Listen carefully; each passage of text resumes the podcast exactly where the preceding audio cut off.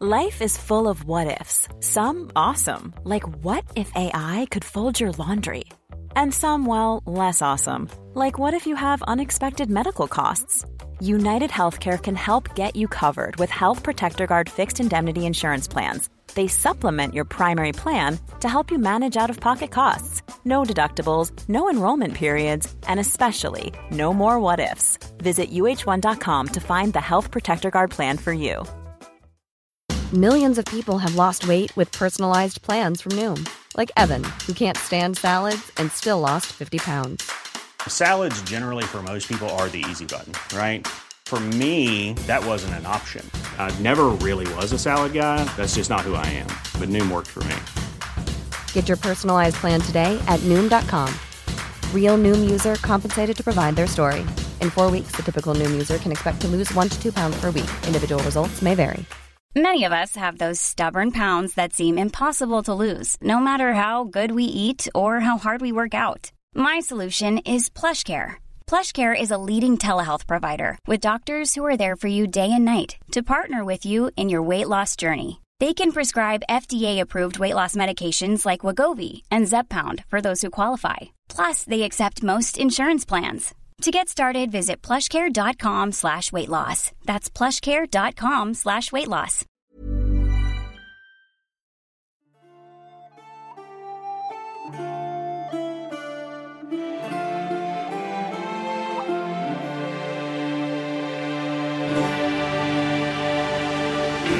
Velkommen til Mægtige Middelalder. En podcast, hvor middelalderforskere taler om den magiske, mystiske og frem for alt mægtige middelalder.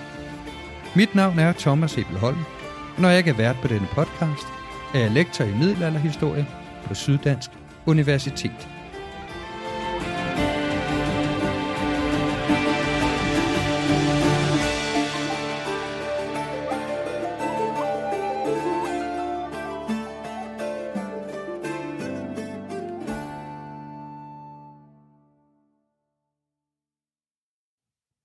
Dies Medivalis løb af stablen 22. maj i år. Dies Medivalis, Dies blandt venner, er blevet til i samarbejde mellem Historie på SDU og Nyborg Slot. Og det er vores fælles årlige middelalderdag, hvor landets middelalderforskere mødes for at fremlægge deres forskningsresultater for offentligheden. Vi havde en række oplæg om blandt andet rejskongedømmet, og om et forskningsprojekt om heksprocesserne i 15- og 1600-tallets Danmark, og så sluttede vi dagen af med en spændende fremlæggelse fra Museum Trelleborg og Odense Bys Museum deres anstrengelser for at få de fem danske trelleborge på UNESCO's verdensarvsliste. Vi plejede at holde dies på Nyborg Slot, men da slottet jo fortsat er under renovation, er det stadig uvist, hvornår vi kan holde det på slottet igen. Derfor blev årets seance afholdt i museets administrationsbygning. Der er der desværre begrænset plads, og pladserne blev hurtigt udsolgt, og derfor gik mange glip af årets diges. Og det er jo en skam, for vi vil selvfølgelig gerne have, at så mange tilhørere kommer som muligt. Derfor optog jeg et par af årets foredrag, og dem bringer vi som maj måneds episode. Det første er Lars Kær, der taler om Valdemar den Stores Danmark belyst ud fra her Bues stiftelsesbrev for Tvis Kloster fra 1163. Og det andet foredrag er af Mia Mønster Svendsen, og her taler hun om, om Trund eller Trugot-slægten, og hvad vi egentlig ved om den. Jeg havde også optaget Allan Porsmose, der er museumsdirektør på Østfyns Museer. Han talte om rejskongedømmet, men optagelsen fejle, så det må I have til gode til en anden senere lejlighed, hvor jeg håber på at kunne tale med Erland om hans bog om rejskongedømmet. En bog, der forhåbentlig udkommer til efteråret. Men nu til foredragene. God fornøjelse. Ja, jeg er også en af arrangørerne. I får glæden af at høre mig tale lidt senere. Øh, men jeg hedder Thomas Ebelholm, og jeg er lektor på SDU. Øh, men i den her første sektion, der skal jeg ikke tale så meget, der skal jeg bare præsentere de to første talere. Øh, og vores første taler er øh, fløjet ind fra London. Det er Lars Kær, der er lektor på Northeastern University i London. I skifter navn hele tiden. Det gør vi. Ja. Ser, Øhm, ser vilkår. Og øh, Lars, du har været ret meget på turné her på det sidste med din bog om Valdemar den Første. Og øh, det er vel et aspekt af din øh, Valdemar saga, vi skal høre i dag. Det kan du tro, det er. Det lyder godt, Lars. Jamen, øh, Det var, det var sjovt lige at høre øh, Lars øh, nævne vores nævne, nævne dis øh, medievales øh, lange, lange tid. For jeg, jeg kom til at tænke på dengang, jeg var til, hvad jeg tror må have været den første dies Medievalis, øh, tilbage i 2006, eller der ja, øh, som bachelorstuderende på Aarhus. Der havde vi i middelaldercirklen lejet Aarhus Universitets minibus, og så kørte vi afsted. Jeg husker det som en enorm formativ tur, det der med at være ude og pludselig se, at der er sådan et middelaldermiljø uden for bare dem, vi kender fra Aarhus Universitet. Det var en rigtig fed tur, så det var øh, det er en stor fornøjelse at være, være her. Øhm, Jeg tror, Lars og Thomas de havde inviteret mig til at tale om, om Valdemar den Store, øh, som jeg så har skrevet den her biografi om.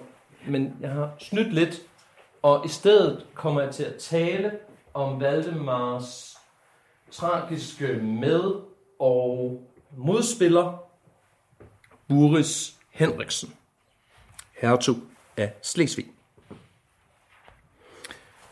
Boris var Valdemars grandfætter, hans vigtigste allierede i de første 10 år af Valdemars regeringstid deromkring. Men i 1165 brød samarbejdet sammen. Det år lod Valdemar sin lille søn Knud den 6. hylde som medkonge og arving. Året efter blev Boris arresteret, anklaget for at planlægge kup imod Valdemar i samarbejde med Valdemars norske fjender. Buris fik ikke mulighed for at tale sin sag, men blev sat i, hvad Saxo ildevarslende kalder mild, men sikker forvaring. I Søborg, og da nordmændene så øh, indfandt sig med en flåde, blev Buris lagt i lænker og forsvandt derefter ud af historien. Men folk holdt ikke op med at snakke om Buris og hans skæbne. I 1200-tallet fortæller flere kilder, at Buris var blevet blændet og kastreret. Albert Stade havde hørt, at Boris var blevet druknet. Så fortællingen levede videre og udviklede sig i senmiddelalderen til denne øhm, øh, sådan romant, de her romantiske folkesange om øh, prins Buris og øh, Liden Kirsten øh, og andre lokale varianter. Her har Agnes Slottenmøller øh, lavet sig inspirere øh, af en af dem, hvor, hvor Buris, den kastrerede Buris og, og Kirsten får et sådan semi-lykkelig happy ending, øh, fordi de, de kan sådan leve sammen som, som munk og nonne, nonne henholdsvis. Mens fortællingen om Valdemar den Store og hans heroiske videre voksede op i den nationale bevidsthed, stadig større og vigtigere for Danmark, blev Buris historien ved med at forfølge Valdemar som en skygge. Et minde om, hvad det havde kostet, og hvad og hvem, der var blevet slået i stykker i opbygningen af Valdemars stærke kongemagt. For mig var et af de vigtigste mål med at skrive Valdemars, en biografi om Valdemar, at få plads til konsekvenserne. Til fejltrinene, tragedierne, og ikke mindst mere plads til dem, som Boris, der ikke var med på vinderholdet. I den store fortælling om Danmarks historien er Valdemar placeret helt centralt som en god konge med stort G og stort K. Ham, der får Danmark ud af de usikre borgerkrigsår og ind i en storhedsperiode. Vi kunne se for eksempel på øh, DR's øh, historien om Danmark, hvor øh, beskrivelsen af Valdemars søssel fortælles helt henført i starten af episoden om den, øh, om den tidlige den tidlige middel, om, at nu sker der noget helt fantastisk for Danmark her, for den her dreng, der bliver, der bliver født, og så får vi jo senere, hvor han leger, leger sødt med, med Absalon, og de så sammen finder frem til, hvordan Danmark skal frelses. I biografien har jeg forsøgt at give plads til et mere modsætningsfyldt billede af Valdemar. Valdemar styrkede rigtig nok sin egen og især vidernes magt.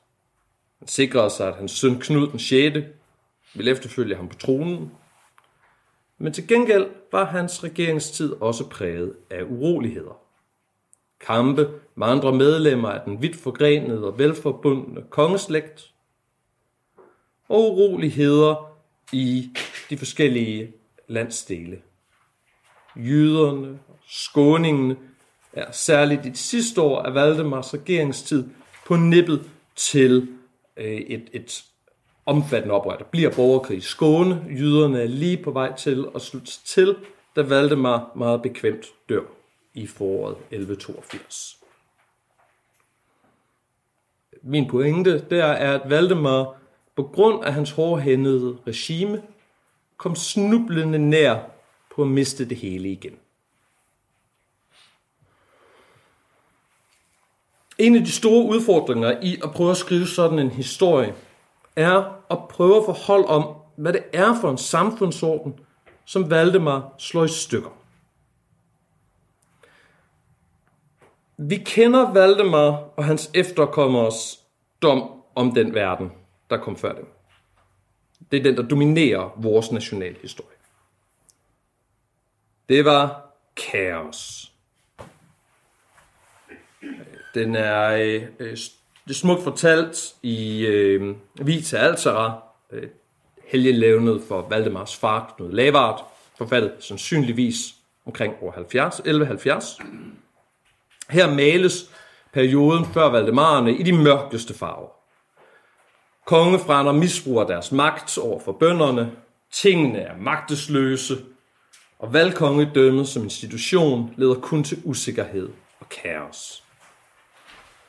Da kongesønnen Magnus Nielsen møder Knud Lavard, hans fætter, i Haraldsted skov i 1131 og konfronterer ham, skriger den tossede, den gale Magnus, den vrede Magnus, hvis er Danmark, før han tager livet af Knud.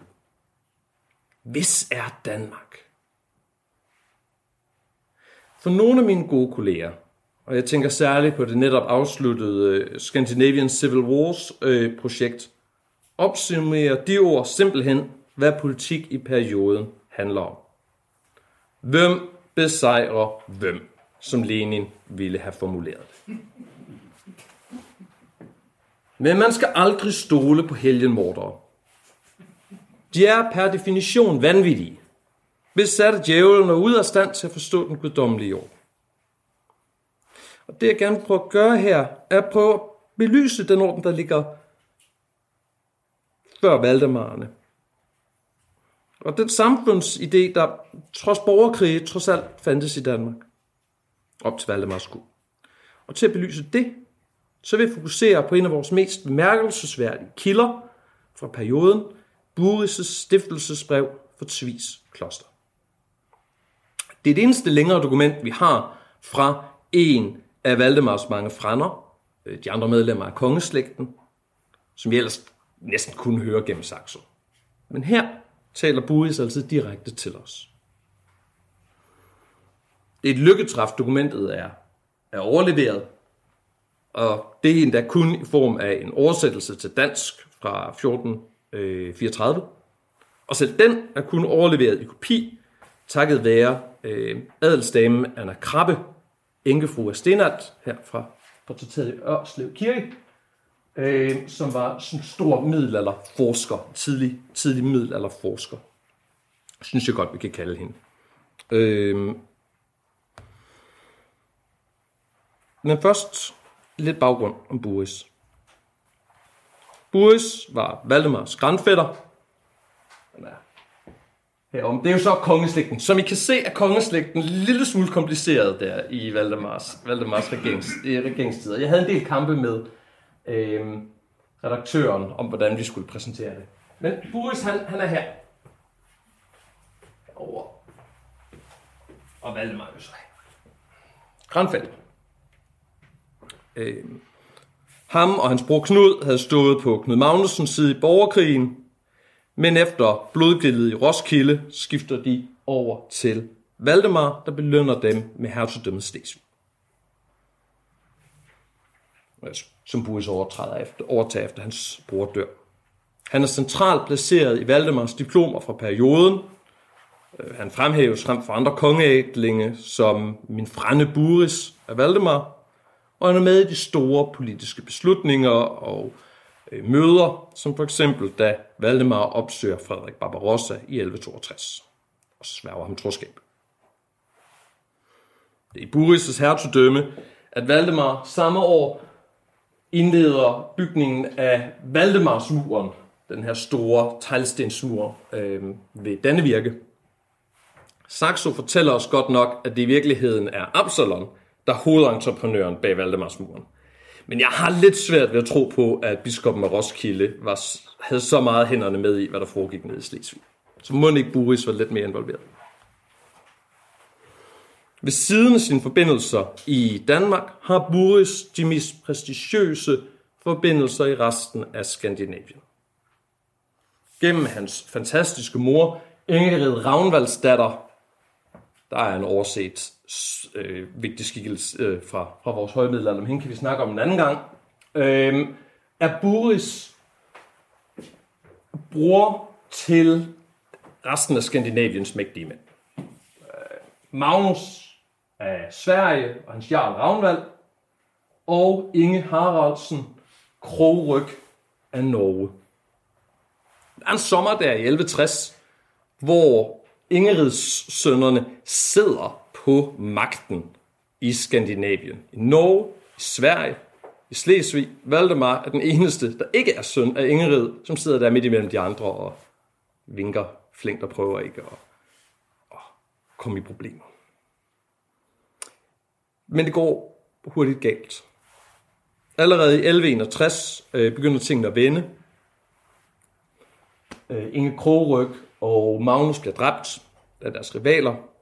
Og det er blandt andet for at mindes dem, at Buris beslutter sig for at oprette det her kloster i Tvis i 1163. Og det bringer os elegant til vores kilde. Og det er jo så billeder af Skandinavien i tilfælde af, at de ikke lige havde huske, hvordan, hvordan det forholdt sig. Lad os gå videre her, så en, en lille smule ruin af Tvis kloster. Der er ikke så meget tilbage af det. Vores dokument blev udstedt den 24. marts 1163, påske søndag, i Tvis, hvor Buris er vært for Valdemar og resten af rigets elite. De er netop vendt tilbage, Valdemar og Buris, fra det tysk-romerske rige, og de er i gang med at gøre klar til en invasion af Norge, assisteret af en masse norske stormænd, der er gået i eksil i Danmark, i protest mod den tyranniske Erling Skakke, der har taget magten deroppe, og hans søn, den nye konge Magnus Erlingsson. Den invasion løber af stablen lige omtrent en måned senere, i maj 1163. Så det er en anspændt situation, hvor der er god grund til at få bekræftet og kommunikeret magtforholdene og alliancerne i riget. Dokumentet her er langt, ordrigt og elegant, men jeg vil kun fremhæve tre aspekter af det. Dateringen, hvad vi vil kunne kalde sikkerhedsklausulen, endelig motivationen, hvor Buris forklarer, hvorfor han har stiftet kloster. Hvis vi starter med dateringen, så fortæller den, at den er givet i 1163 påske søndag det 6. år efter, at kong Valdemar blev konge efter Svend og Knuds afgang. Det er interessant. Usædvanligt i perioden at få den dateret efter Svend og Knuds afgang. 1157 er referencepunktet. Året, hvor Knud Magnussen var blevet dræbt under blodgildet i Roskilde, og hvor Boris havde spillet en hovedrolle i kampene mod Svend Grate. Buris, der anfører floden, der afskærer Buris i Nørrejylland. Det er også en serie af begivenheder, som vi ved, Valdemar og hans kreds gør rigtig meget ud af. Blodgildet og den efterfølgende hævn fremstilles som en gudvelbehagelig kamp, nødvendig for at genoprette den gode verdensorden, som Svend havde slået i stykker. Buris' brev viser os, at andre medlemmer af Valdemars sejrende øh, konstellation ser ud til at have delt i den her læsning. Også for Buris er 1157 det naturlige, mest prestigiøse udgangspunkt for datering.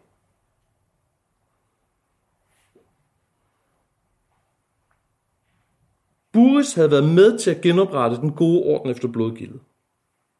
Men brevet giver os også et videre billede af, hvordan han bidrager til den fortsatte bevarelse af samme. Så det fortæller han, at jeg påtager mig samme klosterråders forsvar og beskyttelse. Det er Buris, der her vest for Viborg vil garantere sikkerhed. Men denne rolle som sikkerhedsgarant er en, som han udspiller i samarbejde med kongen og resten af rigets stormænd. De assisterer i forsvaret og opretholdelsen, men til gengæld vil bønderne hjælpe riget. De her citatiensers bønder vil beskærme kongen og riget med Guds nåde. Også rigets værn er en fælles sag. Så jeg lige går til motivationen. Kommer jeg til noget mere specifikt, personligt tidspunkt. I åbningen af brevet forklarer Boris, at han har stiftet klosteret, fordi han havde tænkt over, at hans øh, far og hans brødre var døde så pludseligt. Det var jo lige, han havde lige netop mistet tre brødre. Det giver mening, men det er også svært at stande op et øjeblik her. Den far, som Buris taler om, det er Henrik Skadelov. Manden der, ifølge Vita Altera og Saxo, er Knud Lavards mest afre fjende. Manden, der står bag, der ligger og sådan den lidt kujonagtige chefarkitekt bag plottet mod Knud Lavard. Det er ham, der kommer løbende med spydet der øh, efter de andre ligesom har taget den, den ærlige kamp ansigt til ansigt. Valdemar med andre ord med til at bede for manden, som stod bag drabet på hans hellige far. Derfor bliver det, der sker i Tvis her, til noget større. Det rækker både frem og tilbage i historien og helbreder sårene for borgerkrigen. Knud Lavards søn beder for Henrik Skadelårs frelse. Henrik Skadelårs søn beder for Knud Lavards søn og hans efterfølgers fred og frelse. Hvis det stod til mig, så var det det her punkt, og ikke 1170, som vi fejrede som højdepunktet i Valdemar den Stores regeringstid. Men lad os nu være ærlige, hverken Valdemar eller Boris havde kun øjnene på det hensides. Som nævnt er de ved at gøre klar til en invasion af Norge. Masser af norsk stormænd i eksil i Danmark. Og det, de klager over ved Erling Skakke, er netop, at Erling Skakke er nådesløs. Han er, har ingen barmhjertighed over for sin fjender. Han har ingen nåde. Nu får Valdemar Buris positioneret Danmark som et godt alternativ. Her er der faktisk noget. Her bliver folk faktisk tilgivet. Men Buris' brødre er også mere specifikt relevante. Så nævnt er en af de brødre, som jo lige er afgået ved døden, Inge Kroryg. Buris får positioneret her, for aktualiseret sin forbindelse tilbage til Inge Kroryg. Ifølge Snorri var det først og fremmest fordi, at Inge Krogryg var så populær, at Vikens bønder til syd, øh, nord omkring Oslo, støttede Erling Skakke. Erling Skakke havde været på Inge Krogrygs parti øh, øh, op til hans død. Nu bliver det her, den her relation aktiveret over på det danske hold, på det anti-erlingske hold. Samtidig er, ved vi, at Valdemar er i gang med at prøve at aktivere andre medlemmer af Buris' netværk i perioden. har indgået en aftale med Buris' stedbror, Alfrotti, stormand i Trondheim, og Orm Kongsbroder hernede, som har forbindelser i oplandene nord for Viken. Altså folk, der er perfekt positioneret til ligesom at bokse af en skakke inde i Viken, så Valdemar kan komme og gøre det ind ham. Her ser vi så et ret vigtigt aspekt af, hvad det er, kongefrænderne gør for Danmark og Valdemar. Deres netværk bliver en del af kongens netværk. Det hjælper internt, hvor Boris kunne være med til at holde jyderne motiveret, og eksternt, hvor de gør større spændvidde for kongens ambitioner.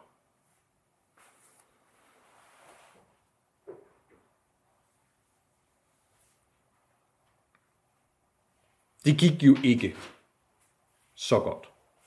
Norges togt er en fiasko. 1165 er de i Ryen på hertogt. Boris leder et angreb op mod Arkonas mure, hvor han bliver ramt af sten kastet fra bogmuren, her, som i øh, øh Københavnersalderets fremstilling af øh, Urias' øh, øh, død. Øh, Buris bliver slået bevidstløs, halvt bevidstløs, og mens han er ved at komme sig over sårene, gennemfører Valdemar med støtte fra Absalon sit kup og får Knud den 6. hyldet som medkong.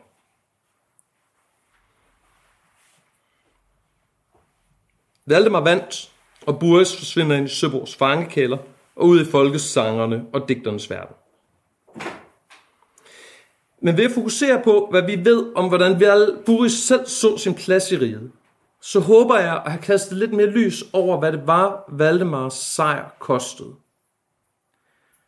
Det sidste halvandet årti af Valdemars regering var præget af stadig mere omfattende problemer. Samarbejdet med resten af kongeslægten og med lokale stormands- og bundegrupper i resten af riget. Særligt jyderne, Boris' gamle undersåtter, som beskrives fra perioden efter Boris fald frem af Saxo, som altid genstridige, øh, altid benippet af mytteri og utilfredse med, at der ikke er nok til frokost. Jeg tror ikke bare, det er ærkesjælderen Saxos fordomme, vi ser her, men en autentisk spejling af, hvad det havde kostet Valdemar at eliminere sin grandfætter og den samfundsorden, han repræsenterede. Kronen var godt nok sikret for en enkelt familie, men til gengæld havde den familie ikke længere de samme forbindelser med resten af i rigets elitekollektiver. Tak skal I have.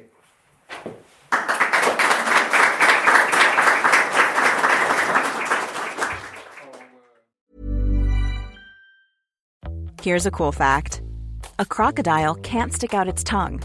Another cool fact, you can get short-term health insurance for a month or just under a year in some states. United Healthcare short term insurance plans are designed for people who are between jobs, coming off their parents' plan, or turning a side hustle into a full time gig. Underwritten by Golden Rule Insurance Company, they offer flexible, budget friendly coverage with access to a nationwide network of doctors and hospitals. Get more cool facts about United Healthcare short term plans at uh1.com. I'm Sandra, and I'm just the professional your small business was looking for. But you didn't hire me because you didn't use LinkedIn jobs. LinkedIn has professionals you can't find anywhere else, including those who aren't actively looking for a new job but might be open to the perfect role, like me.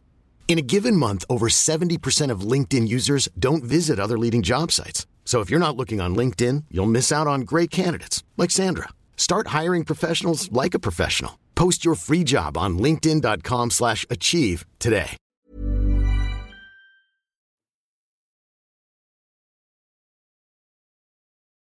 Okay, Jamen, så bliver jeg klar til næste taler i øh, den her første formiddagssektion.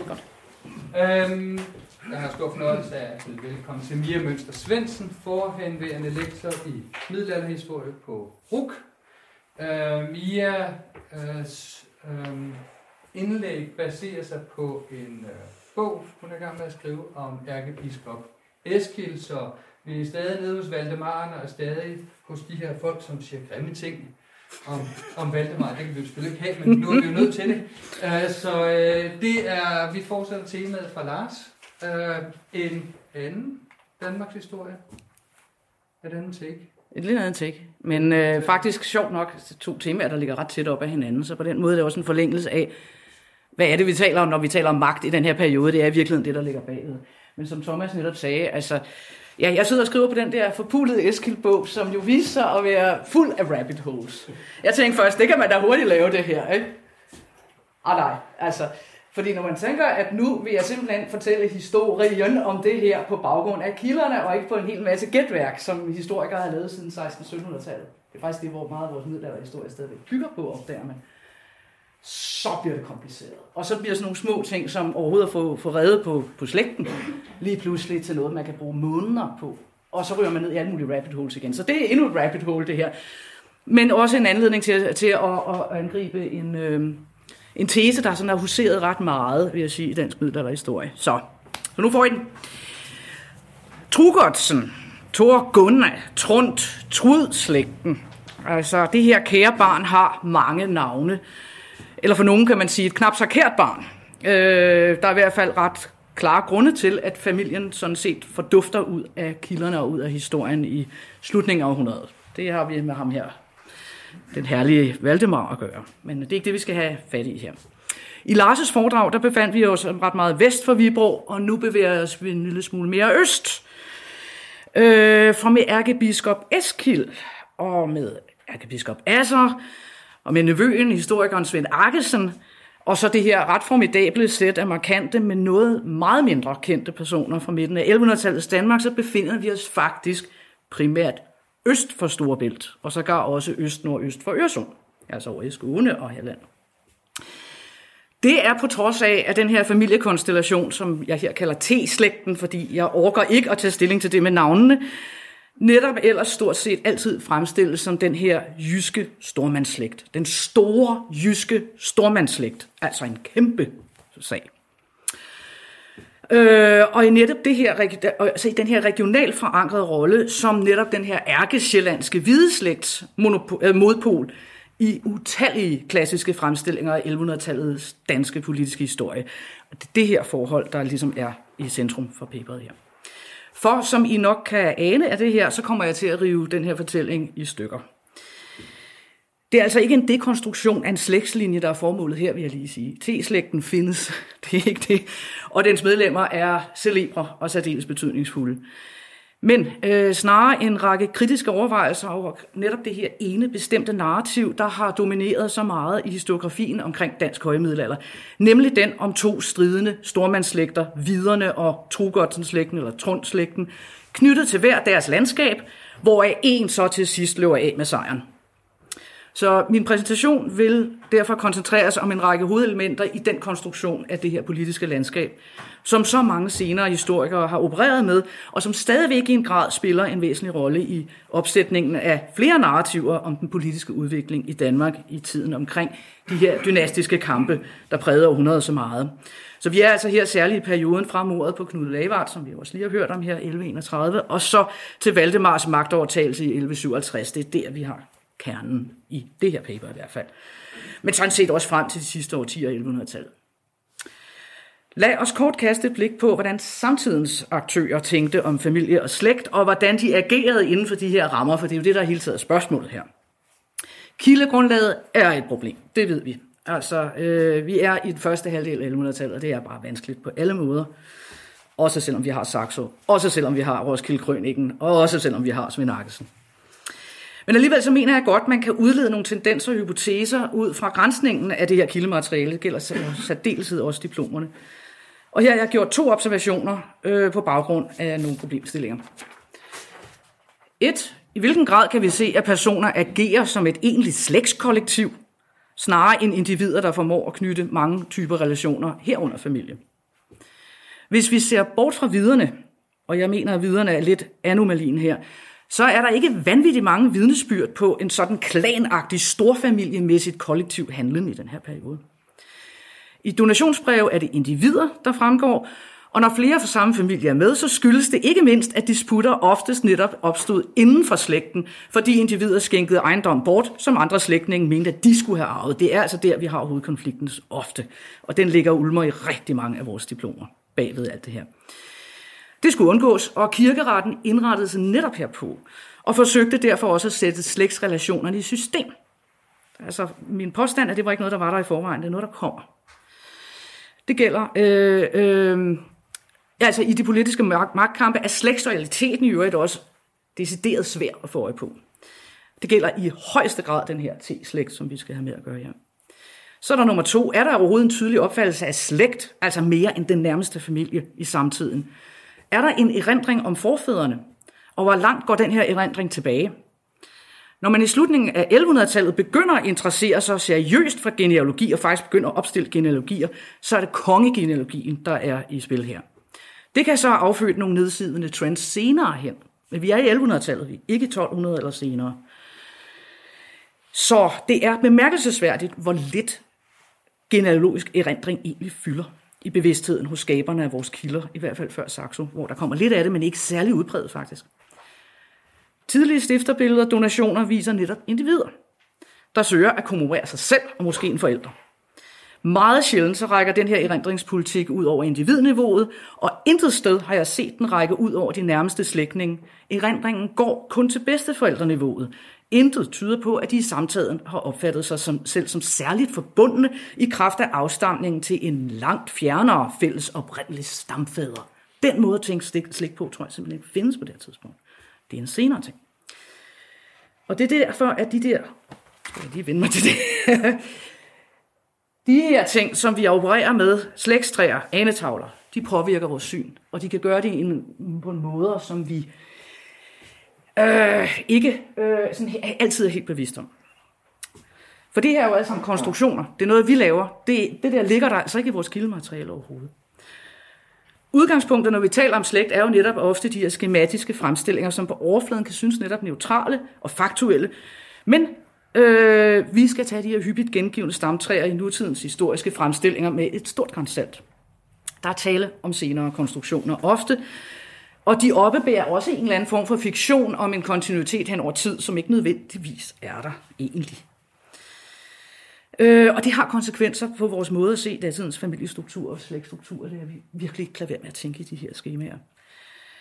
Øh, som I muligvis ved, så var ingen af hverken viderne eller Trugert som turgørnerne, der kaldte sig det i samtiden heller. Jeg har ikke noget fælles slægtnavn. Indtil i resten af middelalderen. Navnene er begge senere. Vidernes tilfælde, der opdår det i 1600-tallet. Der sidder der igen nogle sene efterkommere, der gerne vil lave det her store stamtræ. Og i T-slægtens tilfælde, der er det altså 1700-tallets antikvarer, der laver det. Langebæk i særdeleshed. Og det er jo interessant i sig selv, at der aldrig er opstået en konsensus omkring, hvad det er, vi skal kalde den der slægt, der skulle have været så vigtigt. Så det var i høj grad Jakob Langebæk, dansk historieforsknings stamfader, som han er til at blevet kaldt, der lagde grunden til den genealogi, som blev fundamentet for opfattelsen af T-slægten fremover. Alligevel var Langebæks rekonstruktion præsenteret, øh, øh, præget af den der fantasifuldhed, der ofte præger det begyndende nationale sværmeri i det der sene enevælde. Langebæk han fik gennem sin læsning af senere kilder, særligt sækkematerialet, koblet T-slægten op på en særdeles heroisk fortid, nemlig intet mindre end Jomsvikingerne og deres legendariske stifterfigur, ærkehedningen Palnatoke. Palnatoke, det er jo ham, der på bedste Wilhelm Tellmaner skyder et æble af hovedet på sin søn. Han stod på ski ned af kulden i Skåne, det er vist, det ved vi. Og så bekendt, så skød han også Harald Blåtand i røven, så han døde af det. Ifølge Saxo naturligvis. Det er jo derfor, der er et salonskydeselskab i Klampenborg og en hel del andre skytteforeninger, der er opkaldt efter ham. Det er nok mere på grund af det med æblet end kongens røv. Men det er en anden historie. Men uh, der er mange sjove historier her. Men som I kan se, et meget, meget langt øh, øh, træk tilbage her, og det her, det er altså det der, der er højst tvivlsomt. Det synes øh, jeg, Jørgen Olrik, filologen, var lidt irriterende. Så øh, i begyndelsen af 1900-tallet, da han genudgav, det er faktisk altid i udgivelsen af Svend Arkelsens Danmarks historie, de her ting optræder først. Der vil han rydde lidt op i de der fantasifoster, og han opstiller den her ny reducerede slægstavle. Der er Jomsvikingerne og Palnatoke og ude. Til gengæld så kommer der så den her Galicie-ulv ind.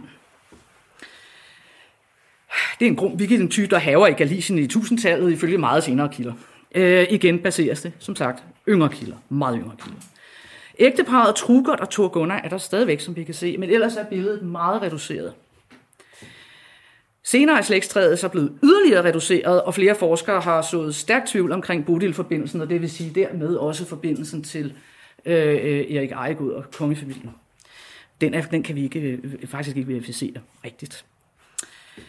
Øh, reelt så ved vi faktisk kun noget med sikkerhed om de to dominerende generationer i 1100-tallet. Det er Eskilds far og hans fire brødre, og så Eskilds egen generation, og dertil de der nevøer, der så lige kommer efter, og som bliver udrenset af Valdemar K. efter Eskilds fald. Olrichs træ er der jo stort set blevet stående. Det er meget grimt, det der, det ved jeg godt, men det, hvis I slår op på øh, det sidste nye, altså Lex.dk, Ole Fingers, så ser det sådan her ud. Men det er i udgangspunktet stadigvæk Olriks øh, træ der er tilbage. Så det, er jo ikke, det er jo ikke en vidt forgrenet, kæmpe stor stormandslæg, vi har med at gøre her. Så hvad ved vi faktuelt om dem? Det er påfaldende så få samtidig kilder, der overhovedet udtaler sig eksplicit om slægtsforhold. Hvis man faktisk leder, så er det ikke så tit. Vi skal faktisk lede rigtig meget efter det. Og der er nærmest tavshed omkring slægtsrelationer, så snart vi bevæger os ud, bevæger os ud over det helt umiddelbare nære. Altså ud over forældre- og bedsteforældreniveauet, så er det faktisk svært. Ja, så er der alle de der nevøer. Men det er så stadigvæk primært kongefamilien, hvor man har den her øh, bevidsthed omkring det. Der er altså ikke noget, der tyder på, at samtidens store magnatslægter gjorde noget stort ud af at bevare erindring om slægtens fjernere fortid, fortid og at de opfattede sig som nedstammende fra en eller anden fælles stamfader eller moder. De personer, der huserede i slutningen af 1000-tallet, har lagt senere navn til slægten. Det er stadigvæk den der stamfar Trugert og stammoderen Torgunna, ved vi faktisk ikke rigtig noget om.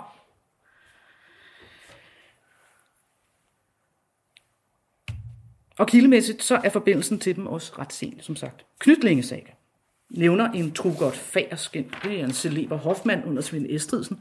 Det er muligvis ham. Forbindelsen til Erik Ejeguds dronning Bodil, som jeg nævnte, som er mor til Knud Lavard, som døde på Olebjerget i øh, 1103 og er begravet i Kitrondalen. Det skyldes Saxo og Knytlingesaga, som anfører, at hun nedstammer fra den førnævnte Galiciulv, altså hendes bedstefar. Hendes forældre skulle godt nok være en Trugert Færskin og en Torgunda, eller det er i hvert fald, hvad man lærer, hvis man slår det op, men det er faktisk svært at finde kilderne til det. Og det bliver værre.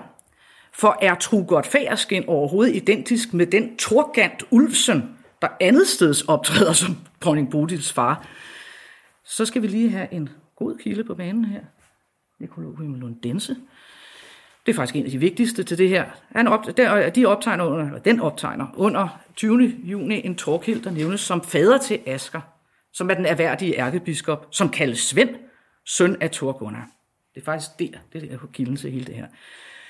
Problemet er, at det her materiale, et stort navnemateriale, nekrologet består af, der optræder flere Torgunnarer i flere slægtled, der næppe er den samme person. Og så er det igen det samme. Er Torgant, Trud, Trund eller Turgot overhovedet den samme person? Der taler om et ret almindeligt navne på den tid, igen hvis vi kigger i det der navnemateriale. De er ikke kun én gang, de optræder, de optræder flere gange. Så de der navnelister er altså utrolig vanskelige at bruge til at opstille noget som helst ud fra. Og vi har jo heller ikke nogen årstal rigtigt på de her mennesker. Så skal vi ikke bare sige, at det at hitte redde i det her navnemøller, det er lidt som at bevæge sig ud på højmosens hængesæk. Det eneste, der er garanteret her, det er, at man på et tidspunkt får en sok, eller også ryger man hele vejen igennem. Der er ikke noget sikkerhed her. Det svinger, og bunden er blød. Ikke? Nu kommer der så det kontroversielle, og nu må I ikke smide mig i voldkraven bagefter, men hvor kommer det der jyske ind? Hvad er den jyske forbindelse til det her? Det nævnes hos Saxo, at Asker og Christian, Christian er Eskilds far, stor hofmand, er født i Jylland. Men rent ejendomsmæssigt, hvis vi begynder at se på diplomer og mageskifter og alle de her transaktioner, som de foretager sig, hele diplommaterialet, der ligger tyngden i hvert fald i Askers tid, og helt udbredt i Eskilds tilfælde i Skåne og på Sjælland, særligt i Nordsjælland. Askers bror, eller Asser, ja, han kan hedde begge dele, Svend, Eskilds onkel, er ganske rigtig biskop i Viborg, men han bliver rekrutteret fra en høj post ved domkapitlet i Lund. Så fra og med Asker har tyngden ligget i Lund, og i høj grad omkring domkapitlet der. Og vil man lede efter Eskilds slægt, så skal man nok se nærmere på kanikerne i Lund i virkeligheden. Det jyske hører altså også til den her konstruktion, og jeg har en mistanke om, at det primært i virkeligheden er betinget af vidernes sjællandskhed. For narrativet, der oprindeligt blev fremsat af Kasper Paludan Møller tilbage i 1866, for, at blive, for det blev helt perfekt, så skulle den der postulerede opposition mellem de to stormandslægter også hægtes op på en regional konflikt, eller sådan en mikroetnisk identitær konflikt, som Saxo jo lægger så stor vægt på og som bekendt jo stadigvæk har betydning af det politiske spil i dag. Der er altså ikke nogen smoking gun i samtiden, der helt særlig grad forbinder T-slægten til Jylland. Men Paludan Møllers tese spørger stadigvæk, og også nu i nyere antropologi-inspirerede gevanter. Så hvad siger øh, Trund øh, Trugert-slægtens skæbne os om slægtens rolle i 1100-tallets Danmark? En hel del, vil jeg sige. Efter Eskilds endelige nederlag i 1177 og Valdemars udrensninger forsvinder de simpelthen ud af historien. Den sidste stemme, vi har for det her døende, såkaldte slægtsdynasti, det er historikeren Svend Arkesen. Og han vælger i det store hele at tige om de mere problematiske af sine rødder, men faktisk taler han heller ikke særlig meget om slægt. Særlig bemærkelsesværdigt er selvfølgelig tavsheden omkring onklen Eskild.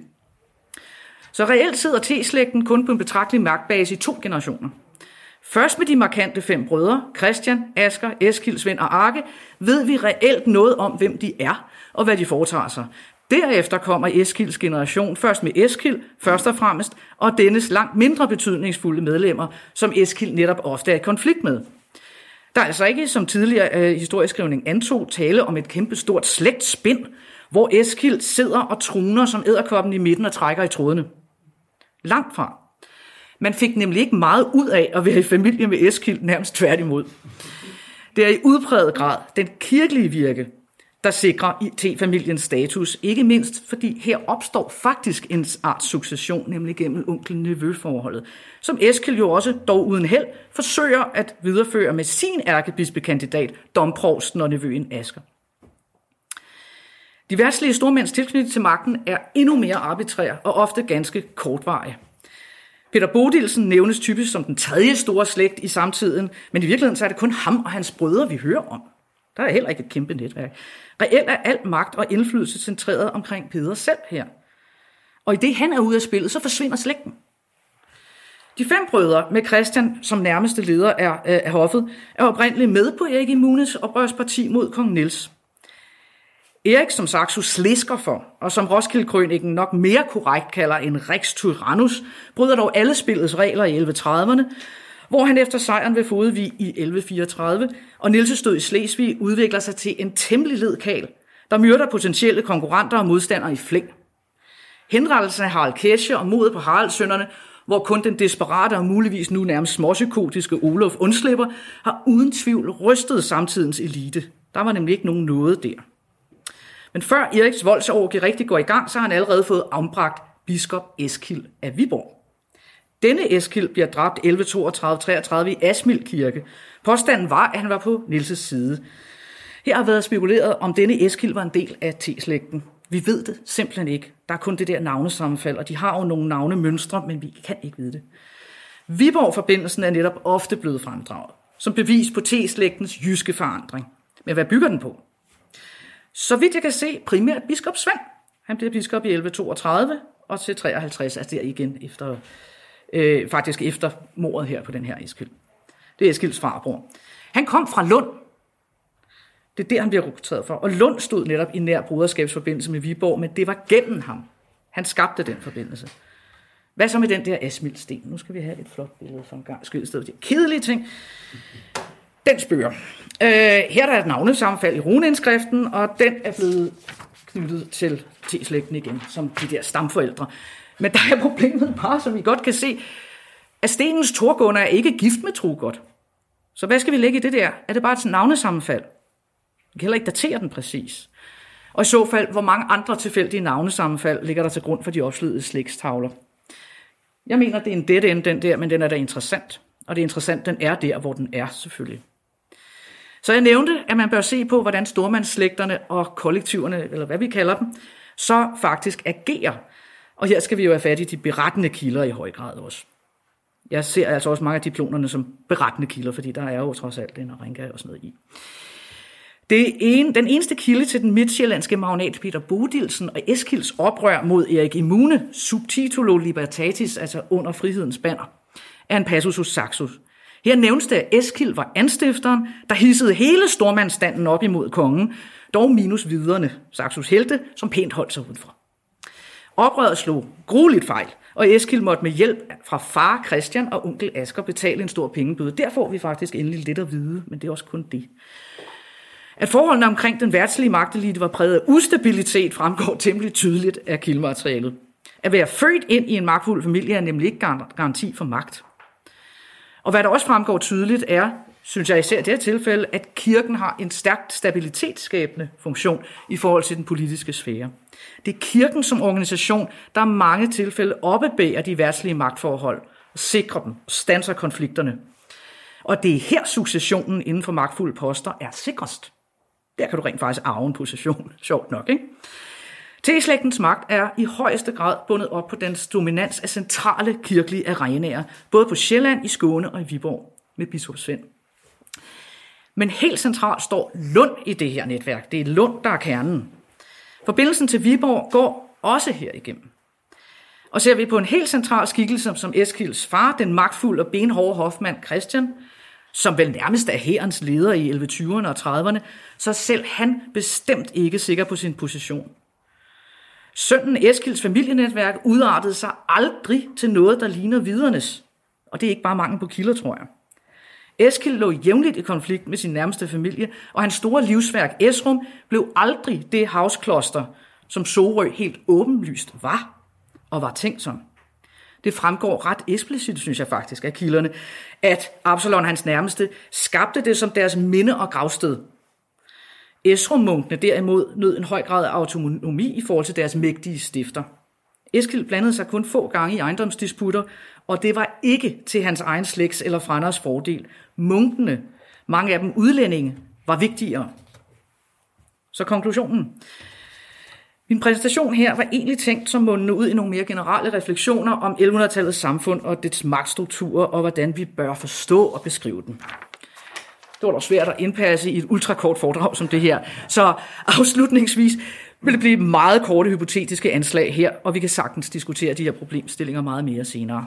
Så nu kommer bare nogle punktnedslag her. 1. Det lader ikke til, at 1100-tallets stormandsfamilier, kollektiver, slægter, grupperinger, kald dem hvad I vil, gjorde noget stort nummer ud af at trække deres slægtlinjer meget langt tilbage.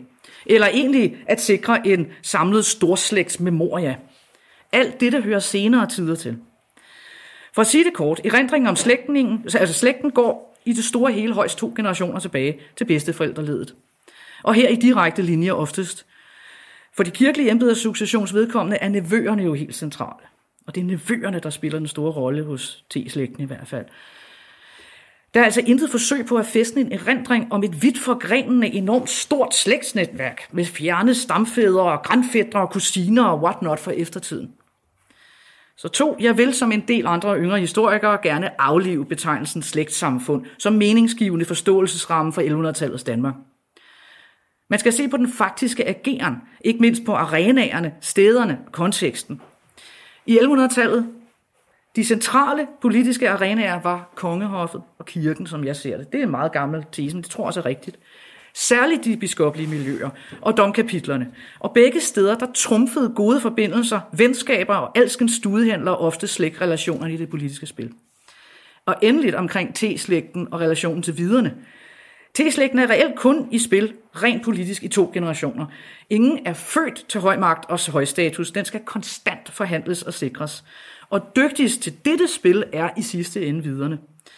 Både gennem deres ejendomstransaktioner, Königsnæge gennem Valdemarerne, og ikke mindst fordi de rent faktisk skaber en form for erindringspolitik, både gennem Saxos historieskrivning og rent fysisk centreret omkring familiens nekropol i Sorø. Uden disse to er det tvivlsomt, om vi overhovedet ville have talt om viderne i dag. Viderne, eller hvad vi nu skal kalde dem, er ikke normen. De er nok snarere undtagelsen. De formår nemlig at lave det her erindringssted, og tilknytning til dette er i høj grad med til at skabe fundamentet for det der store slægtsnetværk, som historikere har anet i kildematerialet. Wannabes, der vil være med i klubben, kan komme det gennem donationer til Sorø, og derigennem opstår billedet af det her vidt forgrenede netværk uden sidestykke i samtiden. Så summa summarum.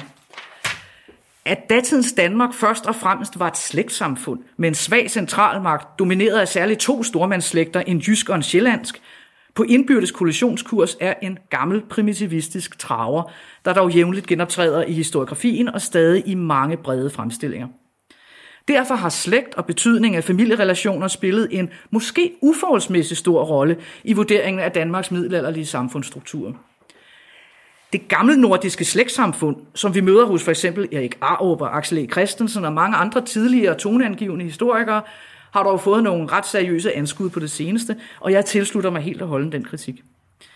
Ikke dermed sagt, at familierelationer var uvigtige, men derimod, at de kun var et element i en meget bred palet af relationsskabende forbindelser, mange meget kortvarige, mange ad hoc, og helt grundlæggende er det min opfattelse, når vi ser på samfundseliten i 1100-tallet, så er der ikke et hak mere tale om et slægtssamfund dengang, end der er i dag.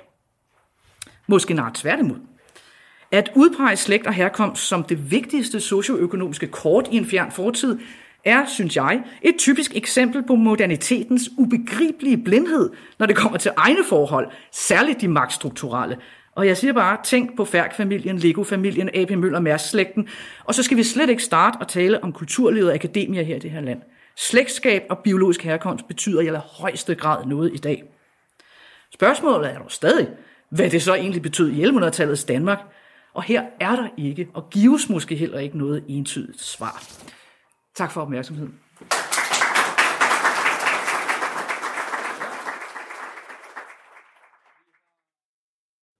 Det var ordene fra Mia Mønster Svendsen. Og de her to foredrag, I har hørt her på podcasten, de var bare et par af de tankevækkende oplæg, vi fik på årets Dies Medivalis. Hvis I synes, det var spændende, så er I meget velkomne til at tilmelde jer næste års Dies. Men husk, der er desværre fortsat begrænset pladser, så hvis I vil nyde hele chancen live, og det kan jeg kun anbefale, så husk at melde til i god tid. Tak fordi I lyttede med, og på genhør i juni.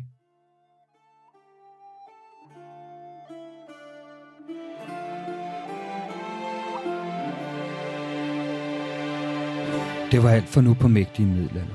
Jeg håber, I nyt dagens episode. Podcasten kan I finde på de fleste podcastafspillere, og husk at anmelde os dagen, så bliver det lettere for andre at finde podcasten.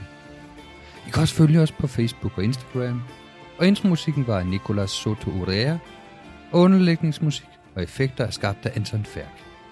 Ha' det godt derude. Jeg håber, I vil lytte med en anden gang.